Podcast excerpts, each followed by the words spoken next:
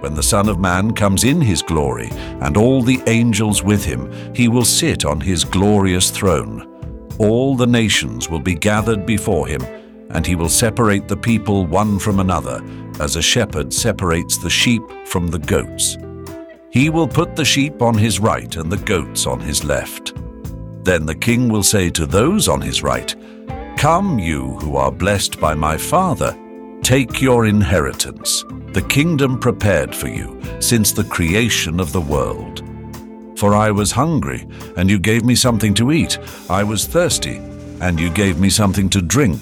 I was a stranger, and you invited me in. I needed clothes, and you clothed me. I was sick, and you looked after me. I was in prison, and you came to visit me. Then the righteous will answer him, Lord, when did we see you hungry and feed you? Or thirsty and give you something to drink? When did we see you a stranger and invite you in, or needing clothes and clothe you? When did we see you sick or in prison and go to visit you? The king will reply, Truly I tell you, whatever you did for one of the least of these brothers and sisters of mine, you did for me. Then he will say to those on his left, Depart from me, you who are cursed, into the eternal fire prepared for the devil and his angels. For I was hungry, and you gave me nothing to eat. I was thirsty, and you gave me nothing to drink. I was a stranger, and you did not invite me in. I needed clothes, and you did not clothe me. I was sick and in prison, and you did not look after me. They also will answer, Lord, when did we see you hungry or thirsty or a stranger or needing clothes or sick or in prison and did not help you? He will reply, Truly I tell you, whatever you did not do for one of the least of these, you did not do for me. Then they will go away to eternal punishment, but the righteous to eternal life.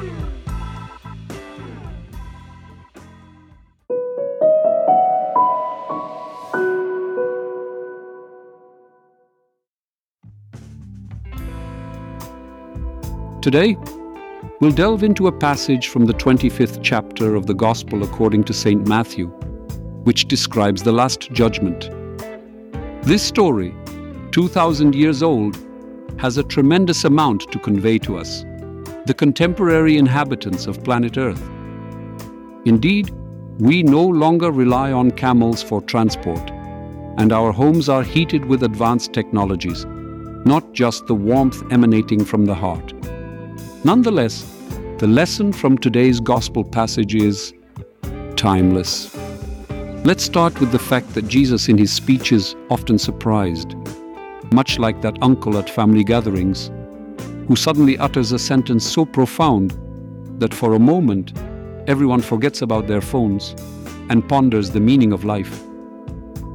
In the discussed passage, Jesus presents himself as the king who, at the end of times, will separate people as a shepherd separates sheep from goats. The sheep will be on the right side and the goats on the left.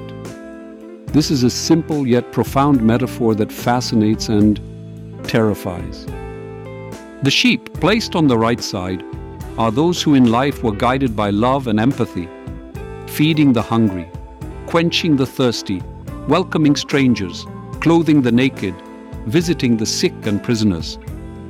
They were not driven by the desire for rewards, but by a deep conviction that every act matters, that we are part of a larger community whose general welfare depends on our individual actions. On the other hand, the goats placed on the left side lived by the principle of me, mine, and only me. Their life was devoid of empathy and involvement in the fate of others. Their responses to accusations of failing to help their neighbors could well come from the most vitriolic threads in social media discussions. When was that? You weren't even there. Importantly, Jesus notes that both sheep and goats were surprised by their fate. The sheep did not realize that the recipient of their charity was Christ Himself. The goats were astonished that their egocentrism could have such real consequences. This reminds us that responsibility and empathy are key in our social and spiritual lives. Jesus Christ, the Son of God, plays a central role on the Judgment Day. The Gospels describe him as a merciful judge, who, however, will demand justice and truth. In parables, such as the sower or the ten virgins, Jesus teaches about being ready for his coming and the necessity of living a life in accordance with God's commandments. For the day of judgment will come unexpectedly, like a thief in the night. The dead, great and small, will stand before God, and the books will be opened, including the book of life.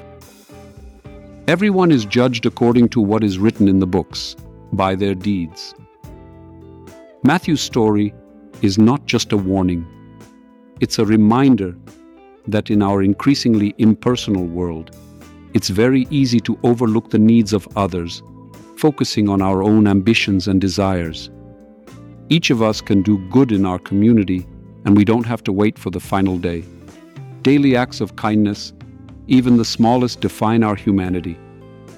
God is gracious, granting the faithful peace and the promise of eternal life. However, His grace should not be seen as justification for our actions, ignoring commandments. Grace does not absolve us of responsibility for our deeds, nor allows us to live contrary to Christ's teachings. In the sixth chapter of the letter to the Romans, Apostle Paul warns not to sin hoping on grace. It's important not to interpret salvation through grace too liberally, which could distance us from true faith and trust in God. So, how can we be a force for good for others? It can be as simple as a smile to a stranger who looks down or offering a hand to someone in need. Let our lives be filled with these small good deeds, because you never know when you might meet the King in disguise. May God bless us all. Amen.